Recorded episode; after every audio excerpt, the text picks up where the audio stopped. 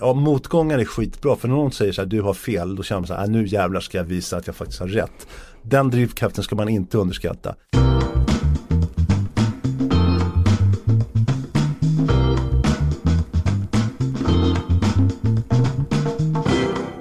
Som 20-åring plöjde han allt som fanns att läsa om design. På 90-talet tog han trendiga italienska möbeltillverkare till Sverige och låg även bakom några av Ikeas storsäljare.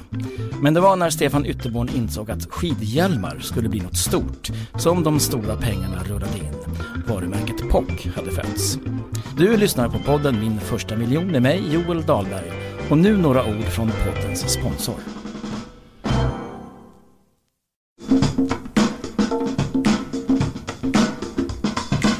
Välkommen hit, Stefan Ytterborn. Tack så hjärtligt. Mm. Du har ju en ganska traditionell bakgrund kan man säga. Född i Sundbyberg på 60-talet, mamma gymnastiklärare, pappa jurist. Det verkar inte förut, förutbestämt direkt att du skulle bli en person som bygger upp ett företag från grunden och säljer det för 300 miljoner till en amerikansk konkurrent. Eh, nej, alltså jag har nog inte, det hade jag nog inte med mig sådär på automatik hemma vid i kärnfamiljen. Men jag tror att i min liksom, nära släkt så fanns det massa entreprenörer. Det fanns dels min, dels min moster Margareta Westberg som var framgångsrik när det gäller svensk mode och tonårsmode som hade något som hette Tony Design och hon sålde liksom i New York och i, nere i centraleuropa och det var jävligt, eh, tyckte jag, inspirerande. Förstod du vad det var? Ja, jag tror att jag tyckte att, jag menar, liksom, hon, det, absolut. Eh, sen så förstod jag nog inte i detalj utan jag fattade att hon gjorde kläder som vi alla kusiner liksom sprang omkring med och såg likadana ut och såg jävligt märklig ut jämfört med alla andra småungar. Men, men det var kul och det var liksom, det var lustfyllt och det var spännande det här med liksom att eh, resa runt i världen och, och göra affärer. Men det jag. förstod du att hon gjorde? Ja, det fattade jag nog rätt tidigt sådär. Och jag tror att många, mycket av det där släkt, vår släkts eh, sammankomsten präglade delvis av liksom, hur har det gått för Margareta i New York här på sistone och sådär. Då var man intresserad att lyssna sådär. Men kan du komma ihåg de här kläderna som du hade på dig? Absolut. Eh, och det, det, är kul för att eh, mosters barn då, de springer och barnbarn, de har fortfarande kvar de här grejerna. Så att jag ser dem då och då. Men för, för egen del så, så, kan jag tycka att fan också att jag inte har kvar något utav det där själv. Det försvann? Det har försvunnit över tiden. Mm. Mm, kan, kan, du berätta då hur, eh, eh, hur det började då med, med just design och liksom ditt intresse för att faktiskt vara, bli din egen istället för att ta ja, anställning någonstans? Ja, men det, det, jag var rätt osäker på vad jag ville göra. Eh, eh, och, och, någonstans så min gymnasietid präglades rätt mycket av liksom, att ha kul och vara liksom, på krogen och göra liksom, busa. Jävligt liksom, sopig i plugget, slarvade med det där och hade dåligt samvete som fan för det där. Men sen så småningom så, så, så hamnade jag... Du hade dåliga betyg alltså? Ja, alltså jag, slar, jag hade så kul i gymnasiet men gjorde så lite. Och min mamma som då förutom hon var gympalärare och dessutom lärare en, en rad andra ämnen och sådär och rätt akademiskt orienterad så hon tyckte att det var rätt, jag, jag skämdes för lite i det där och, och har liksom ständigt haft dåligt samvete för det fortfarande tror jag. Eh, men eh, hur det var så, så, gjorde jag lumpen på Gotland och ganska snart så var det dags för repmånad och då träffade jag en kille eh, som drev en verksamhet som hette Persiengruppen Eh, Mats Arkrot. Och vi liksom gillade varandra och jag landade i hans tillvaro och började sälja persienner åt honom. Låter skitmärkligt idag men på den tiden så var det en sån här hipp aspekt med frihängande persienner i trä och så vidare. Och jag bearbetade arkitekter och kom in i den där sfären och tyckte att det var jävligt spännande. Eh, du kände och, dig hemma? Ja, men jag kände mig hemma och tyckte att jag har väl liksom någonstans också gillat det här. Eh, det kommer väl hemifrån delvis också att, att eh, jag har varit intresserad utav, av till exempel hur det ser ut hemma, heminredning. Och utan att vara vidare liksom specifik i det avseendet som när jag var yngre. Sen blev jag extrem i det avseendet. Men då kom det sig att i anslutning till det här så började jag fördjupa mig i eh, design och, och, och miljöer och arkitektur och sådär. Lä, läste du böcker eller hur gjorde ja, du? Det, men det, det är en märklig grej. Jag tror att jag inspireras av sån här ytligt media. Jag ska inte säga det är taskigt mot, mot alla duktiga journalister som har jobbat med, med den typen av publikationer eller tidningar. Sköna Hem till exempel var lättillgängligt. Och då fanns det någon form av ingång där gentemot antika grejer. Så jag landade initialt i svensk scenbarock. Och det bara, det blivit helt sådär, åh det här är fascinerande. Och sen så Vadå, hur menar du att du landade i man ja, men jag, blev, så jag tyckte att det, det fanns i, i, i rent, det är en fashionbetingad inredningsgrej liksom med antikviteter och, och då började jag åka ut till Kinas slott och försöka förstå mig på eh, sammanhang och det ena med tre. Och sen rörde jag mig otroligt snabbt i historien över tiden fram till 1986 eller när det var 85-86. När jag insåg att hmm, det är ju samtiden som jag som intresserar mig, det är, det är här jag vill verka. Men det jag lärde Så du mig på den rörde dig typ resan- 400 år på två år? Tre Ja, år? 1680 fram till, det är- det är väl 300 år eh, Mm. i princip. Eh, Och, um, där rörde jag mig väldigt snabbt och jag, jag, jag liksom drar till med sex månader. Jag kanske höll på med det där 8, 10, 12 månader innan jag liksom landade i, i, i samtiden då 85-86. Men, Men det, då, det, du, du betade av alltså Ja, jag hela... betade av. Alltså, jag var helt, jag var, jag, jag var rätt socialt tror jag, hopplös den här tiden. För att jag, jag hängde hemma och läste liksom böcker och gick på museum. Eh, och det som jag har haft med mig och efter det har varit, är jag extremt tacksam för. För att det har givit mig någon form av verktygslåda att förstå mig på hur olika företeelser har gjort sig gällande under olika tidsepoker när det gäller avsikt, uttryck, teknik, materialval som präglas utav en massa faktorer som handlar om politik, sociala faktorer, eh, ekonomiskt läge, eh, innovation, tillverkningsmetoder och det med Mm. tredje. Var, var det roligt? Skitkul! Fan älskar det där. Eh, Men var kommer det ifrån då? Din mamma är gymnastiklärare, pappan jurist. Ja, ja men återigen sådär, just den delen. Jag, jag har nog präglats av mamma i många avseenden. Eh, alltså gympaläraspekten handlar delvis också om att jag sysslar med idrott i hela mitt liv. Inte på några extremt höga nivåer så jag kan liksom inte stoltsera med när jag var i OS liksom i Innsbruck eh, 76 och sådär. Utan det handlar nog mer om att eh, Det var du inte. Det var jag inte. Tyvärr, det var någon dröm då. Men däremot så tror jag att jag har någon form av är tränad i någon form av idrottssammanhang. Eh, jag tycker att liksom lagsportsfenomenet är intressant och det kan jag applicera i min vardag där jag liksom har drivit eh, organisationer och liksom lett eh, anställda i olika sammanhang eh, som jag tycker har varit en superbra erfarenhet. Eh, jag är nog också en enveten tävlingsmänniska. Jag hatar att förlora men jag förstår också vad en förlust kan innebära att liksom, omgruppera och lära sig och, och, och liksom gå vidare. Så att där tror jag att mamma har bidragit i stora stycken till någon form av idrottskopplat eh, Men peppade hon synsätt. dig? Eller vad gjorde hon? Nej, men hon, nej, hon uppmuntrade nog snarare. Och, och eh, hon såg till att, att, att skapa lust för idrott ska jag säga. Mm. Så att själva tävlingsaspekten tror jag inte är hennes utan det hamnade ju där när, när jag tyckte att idrotten var kul.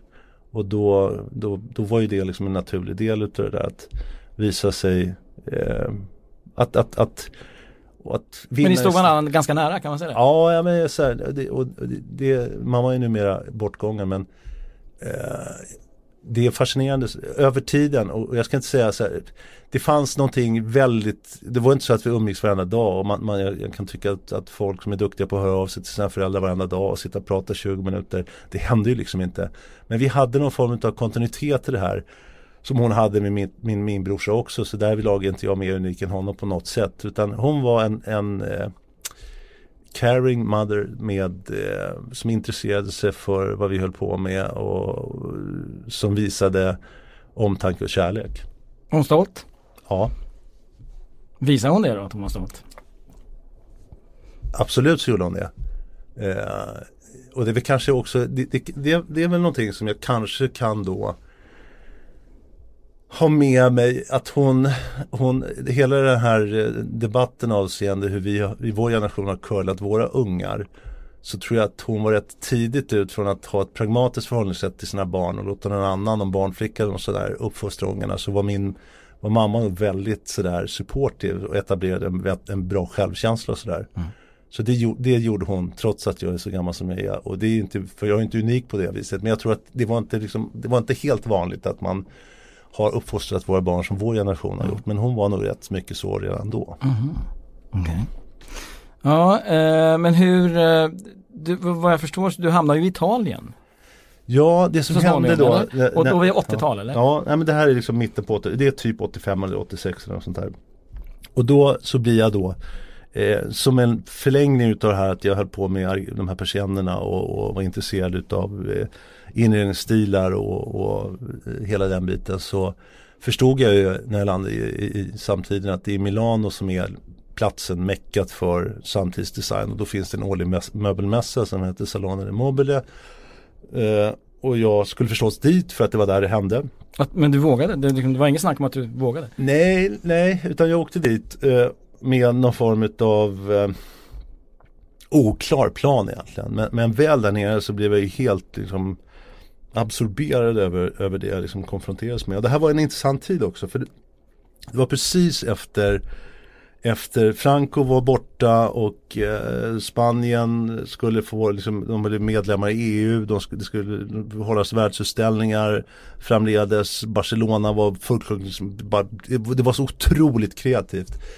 Och, och, det var för första gången på, på länge som Spanien verkligen tog plats i de där sammanhangen som då har, det kan man säga att, att pratar man design i allmänhet sådär så har ju trots eh, framgångar skandinaviskt med Aalto och, och Jakobsen och med Finland och, och, och, Danmark och i viss mån Sverige men så var det ändå Italien som hade positionen som designlandet nummer ett under, under från början av, av 50-talet fram till då mitten av 80-talet och fortsatt, har fortsatt att, att, att liksom ha en, en, en, central position förstås. Men Spanien dök upp där med sin kreativitet och jag var helt förtrollad av, av, av vad jag liksom konfronterades med. Och sen så körde jag, så Men var de tillgängliga då, de här personerna? Verkligen, för, för dig som var helt ny? Ja, jag måste ju se, jag ser fortfarande ut, höll på att säga, utan överdriva liksom, att, att, att jag ser ung ut. Men någonstans så i någon form av, eh, jag måste ha sett extremt liksom eh, ung ut, som ett barn där, liksom, lite lång och förväxt som, som kommer från Sverige och driver då tesen om att det finns ett svenskt bolag i ryggen och är här och ska etablera kontakt med, med företag som, som vi då ska liksom eventuellt distribuera då i Skandinavien. Och liksom det där gick hem och, och jag, jag, kanske liksom i sammanhanget eh, skarvade lite väl mycket för det fanns ingen substans egentligen annat än min lust. Men jag lyckades få med mig en, en rad företag hem till Sverige som jag representerade som jag då var ute och sålde till arkitekter och ena med tredje. Eh, och det funkade skitbra och, och journalister. Det blev något. Förlåt? Det blev något. Ja, det blev någonting utav det där. Och, och jag började liksom umgås med designer under den här tiden som, som, eh, som var lika unga som jag var. Som sedermera har blivit superstars i sammanhanget. Men tog hem dem till Sverige och gjorde utställningar. Ja, men de heter, om man inte är initierad så, så men de heter Jasper Morrison och Konstantin Gritschik och Jonathan Ive och, och Mark Newson och Ross Lovegrove och så vidare. Och de, och de här träffade du då? Ja, då var vi liksom nästan ton, lite mer än tonåringar i princip. Och så gjorde jag separatutställningar med de där och vi liksom, liksom hjälpte varandra på den här resan någonstans. Och eh, det innebar senare att jag startade mitt eget möbelföretag och började jobba både med svensk samtidig design och de här utländska designerna och så vidare. Så där byggde jag någon form av internationellt liksom, nätverk eh, ganska tidigt. Gick, alltså det låter som det gick väldigt lätt. Var det så? Ja, nej, men det var liksom lätt roligt och det kan man ju säga så här att eh, att, att, driva företag är, är som vilken, vilken process som helst. Det är ju skitjobbigt för att det är en massa problem som man springer in i dagligdags som man måste lösa och, och är man är, tror man att det, ingenting är lätt och jag tror inte att det är lätt för någon, det spelar ingen roll vilken business det är utan man konfronteras med en massa grejer som man måste lösa.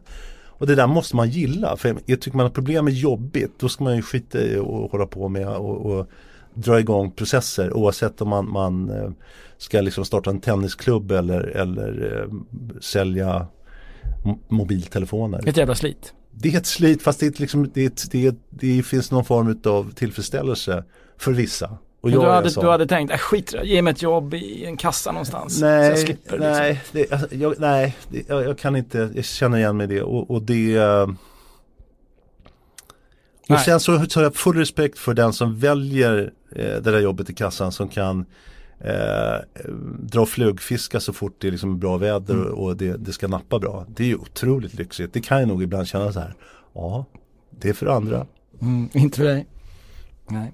Vad, eh, men du byggde upp en verksamhet inom design kan man väl säga under ja, ganska lång tid. Ja, men jag höll på där fram till, så måste jag tänka, men det som hände sen som var otroligt spännande det var ju att mycket av liksom designen som präglades, liksom, det som från mitten av 80-talet fram till början på 90-talet var liksom extravagant och rätt blingig sådär och jävligt dyrt. Eh, det snyggt? Var det vackert? Vad sa du? Var det snyggt? Ja, så här i efterhand så kan man ju titta på grejer och konstatera att en del var snyggt, annat var ju, annat var ju för jävligt. Men, men det som var spännande då, och det, det var ju att när lågkonjunkturen sen, den finansiella kollapsen dök upp i början på 90-talet. Det var, och apropå min erfarenhet av att förstå sig på hur värderingsmönster förändras beroende på omvärlden förändras. När ekonomierna gick i botten så försvann allt det där superdyra, extravaganta, speciella och ersattes av en massa andra värderingskriterier och plötsligt så började marknaden bejaka hållbarhet, långsiktighet, eh, enkelhet, tillgänglighet. Alla de här faktorerna som vi i Sverige och Skandinavien då har liksom utvecklat i århundraden på grund av en massa faktorer som har med mig vår det passa där till Skandinavien kanske? Ja absolut och då vände jag på det där blixtsnabbt och började exportera samtida svensk design internationellt. Så jag var ju tillbaka i Milano fast med en egen kollektion med svensk design mm. året efter. Och det var ju sån superhit alltså. Och på den Hur märkte du det att det var en superhit? Jag fick så sjukt mycket uppmärksamhet och det är också det kan man säga så här att vad är det som driver en eh, som, som entreprenör? Ja motgångar är skitbra för när någon säger så här du har fel då känner man så här äh, nu jävlar ska jag visa att jag faktiskt har rätt. Den drivkraften ska man inte underskatta. Den andra drivkraften det är också att det är rätt bra när någon klappar en på axeln och någon säger så här Hörru det här har du gjort bra. Då känner man sig stärkt. Eh, och, och, i det här fallet när jag då dök upp och då var jag den enda utställaren utav möbler på Milanomässan. Idag så tror jag att det är hundra företag som, menar du då? Som ställer, enda det enda svenska bolaget okay, som ställde okay. ut på den här internationella mm, mässan. Okay. Och fick en massa cred. Och parallellt med det där hade jag då vänt mig till Ikea och Ikea hade ju min värld i och med att jag var snobbig design typ tyckte att fy fan det är bara skräp det där. Men eh, det som hände var jätteintressant och det handlade mycket om att jag såg möjligheten för Ikea att dels borsta bort sin taskiga image avseende att hålla på med kopior och göra någonting vettigt och riktigt i linje med den här värderingsförändringen och nya preferenser i stort globalt.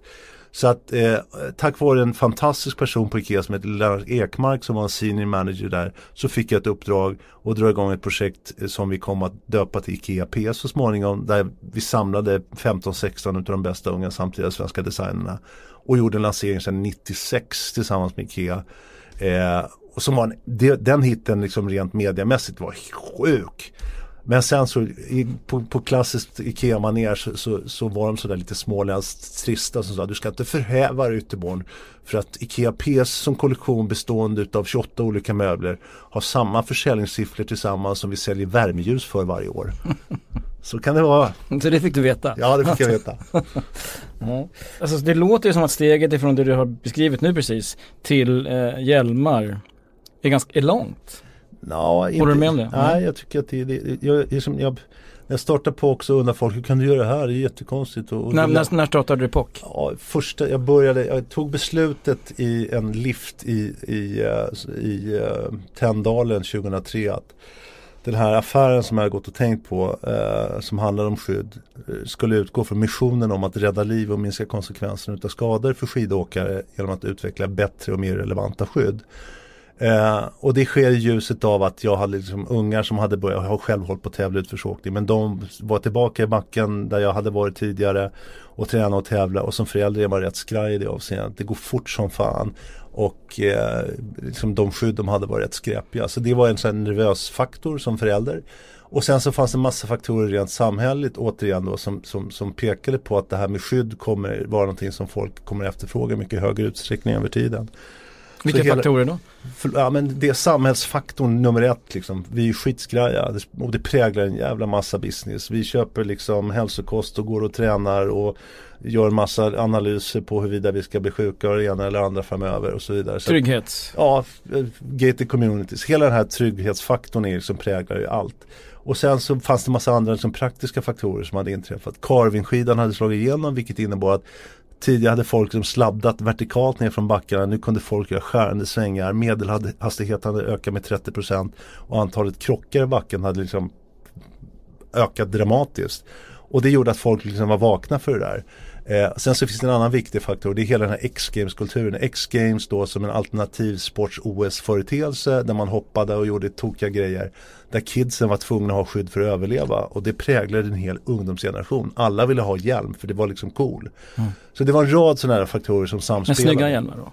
Ja, med snygga hjälmar. Och då var det så att konkurrensen var urdålig för att innan vi hade dragit igång så folk som använde hjälm, det var störtloppsåkare och ungar. Det fanns ju liksom ingen konkurrenssituation som drev vare sig vad som var bra eller dåligt eller hur, hur grejerna skulle se ut. Så att kombinationen av att göra hemläxan och höja skyddsnivån på produkten samtidigt som vi ger någon form av gestaltning som gör att fan det ser riktigt snyggt ut.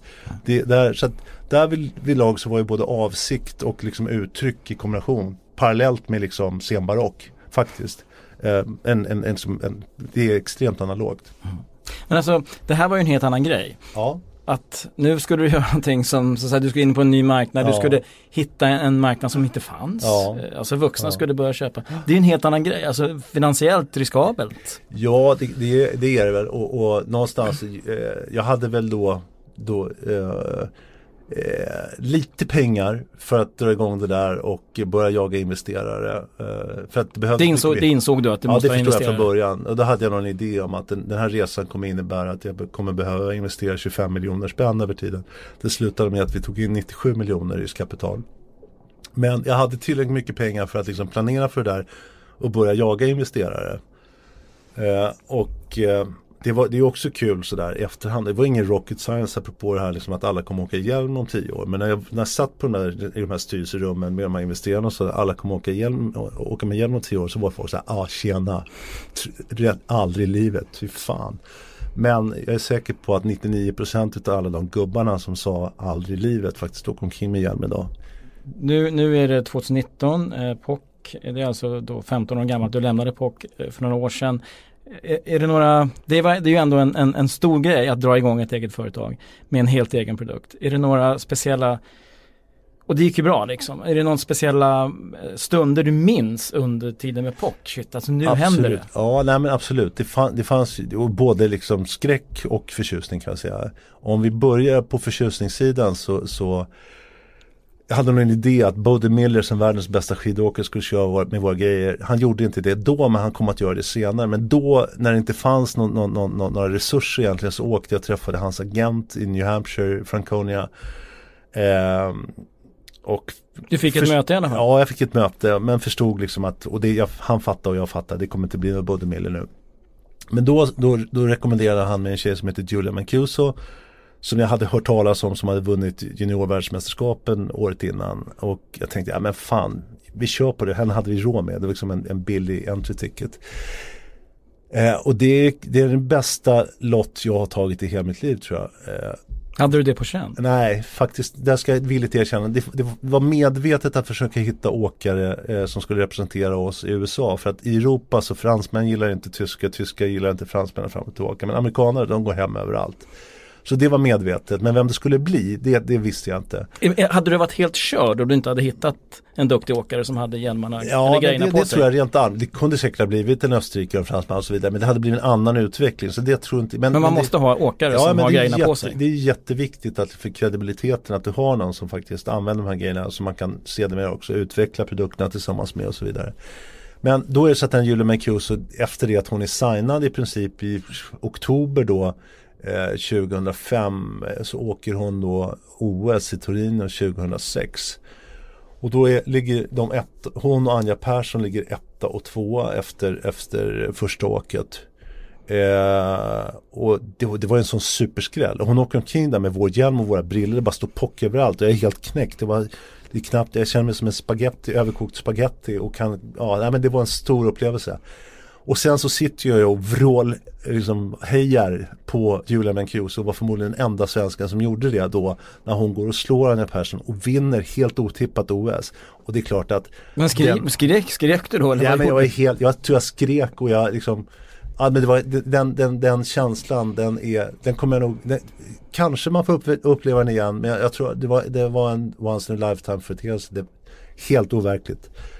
Så det, det, det, och hon har följt med på sen hon slutade sedermera eh, häromåret eh, och, och varit supercentral och, och framgångsrik och vunnit massor och är en ytterst sympatisk person som har bidragit i, i massor tillsammans med flera andra mm. viktiga athletes eller, eller idrottsmän och kvinnor i det avseendet. Men Eh, sen har det också varit otäcka grejer. En annan företeelse handlar om, om Scott McCartney, också en amerikansk åkare som vurpar i Kitzbühel som är världen, det, det mest dramatiska störtloppet på, på världscupscirkusen. Där han i sista hoppet precis innan mål eh, kommer ut med obalans över hoppet, flyger 60 meter, landar med skidorna tvärställda, katapultar i snön och slår i huvudet i, i, och det är bara is där. Och hela hjälmen spricker och han glider in i mål och hjälmen vrids av huvudet på honom och passerar mållinjen så blir han liggande stilla i fem sekunder. Det är totalt tyst i publiken och sen börjar han skaka. Eh, men är, är medvetslös. Eh, och jag står med mina ungar på någon tävling uppe i Hälsingland eller vad det är. Så kommer fram en pappa och säger där, Scott McCartney har ramlat. Eh, du ska nog liksom kolla vad som har hänt på tv. Och så Men han hade pockhjälm? Han hade pockhjälm. Och sen börjar folk ringa. Der Spiegel, Expressen, eh, you name it. Så här, vad är det som har hänt? Och sen så utan att, för att göra en lång historia kort. Det var första gången jag fick jobba med krishantering själv på egen hand eh, och på riktigt. Och det första jag gjorde det var att ringa hans föräldrar och bara beskriva, sorry, vi, liksom, vi har liksom fullt tryck, bara fokus på det här. Och sen så började vi då engagera en massa folk som skulle räkna på vad som har inträffat och det ena med det tredje för att bättre förstå hur vi skulle kunna bemöta eh, de här frågorna vi fick från, från, från media och så vidare. Och så visade det sig att den, den, kraft som han hade utsatts för här när han vurpade är 16 gånger högre än vad man testade för. Att den sprack var en medveten konstruktion för att det är precis som en, en om du tänker en stuntman som hoppar från ett hus och landar i kartonger så handlar det om att progressivt ta upp den här energin och så vidare. Så att, och tack och lov för hans egen del primärt men sekundärt för businessen så vaknar han upp 12 timmar senare som i sig också var sådär, det kan inte hända. Och blev omedelbart väldigt bra. Så att den där krisen vändes till någonting som sedermera blev, liksom, man ansåg att hjälmen hade bidragit till, hans liksom, förmåga att Men hur mådde du under den här, det här halva dygnet? Fruktansvärt dåligt alltså. Det var hemskt. Alltså man, man hör ju du, eh, du, det livet som man väljer att leva när man eh, sysslar med det som du gör. Eh, ant, alltså du, antar att du, du lever med det här dag och natt eh, under din vakna tid. Ja, nej, men, det, det, kan man väl jag fick en liknande fråga häromdagen och i något annat sammanhang förstås. Eh, och, och då, men jag vet att jag svarade på, på vad det nu var för fråga eh, med att ja, men det går nog inte en minut eh, under min vakna tid som jag inte tänker på någonting som är kopplat till vad jag sysslar med på jobbet. Så så är det. Mm, så, och så vill du ha det? Ja, jag, men jag, jag, jag trivs ju med det. Jag är supertaggad utav att eh, hantera och bemästra det som är utmanande och inte går så bra och glädjas med det som liksom flyter på och så vidare. Så att i den där tillvaron så mår jag rätt bra. Den här podden heter ju eh, faktiskt eh, Min första miljon. Kan du komma ihåg eh, när det gällde POC, fanns det någon gräns där? När du hade sålt för en miljon eller tio ja. miljoner eller, eller 100 000 hjälmar eller 10 000 hjälmar. Ja. Fanns det något sånt som du eh, kände shit alltså nu? Ja, ja men det, det har väl Det kan man ju också säga så här att utan att, att eh, den här första miljonen hade jag tjänat in då och kunde liksom, eh, satsa när jag startade POC själv innan jag började ta in externa finansiärer. Och det var ju i sig en frihet som var fantastisk. Att jag kunde ta ett lite större projekt. För att det kan man säga att rent att sätta igång med industriell produktion det är olika beroende på vad man ska göra för grejer. En rymdraket är förstås betydligt mer komplex och resurs, mm. resurskrävande än att göra hjälmar. Men att kunna ta steget och liksom våga tänka tanken att nu ska vi verkligen ge oss in industriellt och göra det här. Eh, och det är väl där jag befinner mig i min relativt långsamma resa. Jag menar att gå från, från hjälmar när jag håller på med motorcyklar har också kunnat ske tack vare att jag förmodligen har haft mer soppa i tanken för att liksom kunna ta de där besluten. Så att det finns nog en, en klar koppling mellan min tillgång på bensin och eh, vad jag liksom, vilken körsträcka jag väljer att, att ta. Mm. Eh, vi, eh, vi frågar också de som, de som gästar här, den här podden lite grann om tips liksom. Vad, ja, hur ska man bete sig? Och jag kan fråga dig om du med det du vet idag hade kunnat ge dig själv ett råd när du var 20. Vad, vad hade du sagt då? Ja, men jag tror att eh, det finns, och det där är jag lite kluven i det där för att eh, Rent allmänt så, så, tror jag att, att eh, för egen del så skulle jag ha vunnit på och haft lite mer tålamod ibland. Jag har nog lämnat situationer för tidigt för att jag är förbannad eller irriterad eller tycker att liksom motparten är dum i huvudet. Men det kanske fanns ytterligare rum att liksom upptäcka i en dialog eller situation eller vad det nu kan vara. Samtidigt så har ju det väckt en massa kraft hos mig när jag känner att de fattar ingenting eller Alltså, och, och, och ja, det har blivit en, en, en, drivkraft. En annan viktig del som, som kanske är min... Men, hade du lyssnat då, då, när du var 20? Om någon nej, hade sagt nej. Du måste ha mera tålamod. Nej, så här, i, i, i, stort så kanske är det, det, det, det är vad det är liksom. Mm, och så här i efterhand så, så Eh, ja, men njuta i stunden är också en sån här grej apropå tålamod. Det krävs också tålamod att kunna njuta i stunden. Jag tycker jag är lite bättre på det faktiskt. Mm. Eh, men om du ska, om vi säger så här då. Eh, vilka är om du har två eller tre tips till den som har en idé mm. men känner jag vet inte vad jag ska göra av det. Hur ska, hur ska jag nå fram? Hur ska jag göra? Nej men och då, jag, jag hörde, det var någon sån här norrländsk potatisplockerska på, på, på radion här en sommar som, som och hon fick frågan så här hur stod du ut? Ja, och då hade de någon sån här hektar potatis som de skulle handplocka. Och då sa hon, det är bara ställa sig ner på knäna och titta rakt ner och börja plocka och sen så, så får man aldrig titta upp. Och det är någonstans där, hon visste vad hon skulle göra. Liksom, planen var att plocka de här potatisarna på, den här, på det här hektaret. Och mycket potatis? Och, ja, mycket potatis. Och då kan man, för tittar man upp och tittar hur mycket som är kvar, då lägger man av på stört. Och jag tror att det är väl det som är lite grann tekniken eller taktikerna där eh, bestäm dig för att det här är det du ska göra och sen så måste man bara liksom springa det här maratonet och sen så tror man att man har gått i mål men då visar det sig att nej det är bara startskott nummer två som har gått så det är bara att köra på. Och det kan ju tyckas tråkigt men det är inte så tråkigt för man har rätt liksom trivsamt där under, under tiden. Um, och det där kan jag också säga, ibland så får jag frågan hur vet man att man har rätt idé? Och, och jag har över tiden genom åren också bearbetat mig själv med en massa eller hamnat i situationen, kanske ska jag göra det där eller det där eller det där. Och så håller man på att traggla det där. Och eftersom så, så, så, när man börjat liksom bombardera de här idéerna med massa kritiska själv, frågeställningar inför sig själv. Så så småningom så växer det fram liksom idéer eller initiativ som, som inte går att ta hål på. Och då ställer sig håren på, liksom, på kroppen. Då går det inte att låta bli, då måste man köra. Och känner man den känslan, då finns det ingen i världen som ska stoppa dig. Alltså det här rådet då till personer i fråga som känner att det här måste jag göra. Lyssna inte på någon, kör på bara. Du, du sa någonting om startskott nummer, startskott nummer två. Ja. Du är väl där, mitt, ja. mitt i det kan man säga. Kan du berätta? Ja, nej men jag, jag, jag bestämde mig för, och jag är liksom ingen motorkille utan jag sprang in i någonting som handlade ja, du sålde, du sålde ju POC. Ja, jag sålde POC eh, och var sådär. Vi, vi, vi sålde det eh, eh, och jag har genomlevt två externa ägare sen, sen, sen dess och sen så kom jag till insikt med att jag befann mig i en tillvaro där jag, det, det, kanske inte liksom eh, där jag hade initiativet i den utsträckning jag kände att jag ville ha eh, att saker och ting inte hade samma riktning som jag önskade och så vidare. Inga problem. Men det gjorde också att jag började fundera på vad är mitt nästa liksom, venture i sammanhanget. Och, och, det jag gör nu sen, sen två och ett halvt år tillbaka det är att jag driver en verksamhet som utvecklar och marknadsför eh, elmotorcyklar. Och då kan man... Någon speciell typ? Ja, det, vi, vi gör offroad motorcyklar eh, som eh, med tack vare att de är tysta och de inte skitar ner och det är lätt att köra och så vidare. Där man liksom kan dela eh, spacet eh, i naturen med, med någon form av ömsesidig respekt sådär. Och det är inte jämt man kan göra det och det finns en massa lagstiftning. I Sverige finns det terrängkörningslagstiftning och ena med tredje. Men vi utvecklar en liten fordonsindustri med rötterna i offroad eh, hänseende.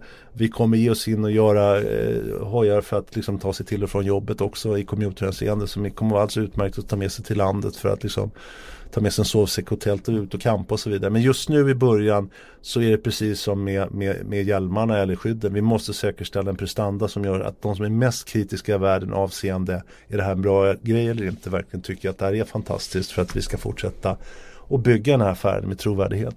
Varför kan du inte ta det lugnt? Jag kan inte låta bli. Jag har superhärligt. Jag lyckades ju fånga dig precis när du ska iväg till USA. Mm. Och försöka hitta pengar. Yes. Jag åker nu på äh, min, min US Pitch Tour som jag gör en gång om Vad betyder det? Det innebär att jag åker till New York, Denver, San Francisco, Los Angeles och då kommer jag träffa 30, 40, 50 olika eh, potentiella investerare. Eh, du behöver pengar? Ja, och vi behöver sådär utan att sitta och prata om det här bolaget men jag svarar ändå mer specifikt än, än, jag kanske borde men vi kommer då behöva ta in, vi behöver finansiera verksamheten med 200 miljoner fram till 2022. När vi ska klara oss utan eh, liksom, inemitterat kapital. Mm. Eh, och hittills har vi tagit in eh, ungefär 60 miljoner så det är ytterligare liksom, behov av folk som tycker att det här är viktigt och bra och se en uppsida att liksom haka på. Då får jag önska dig lycka till Stefan Ytterborn och jättekul att du kom hit. Tack så hjärtligt. Det var kul att vara här. Bra. Tack. Hej.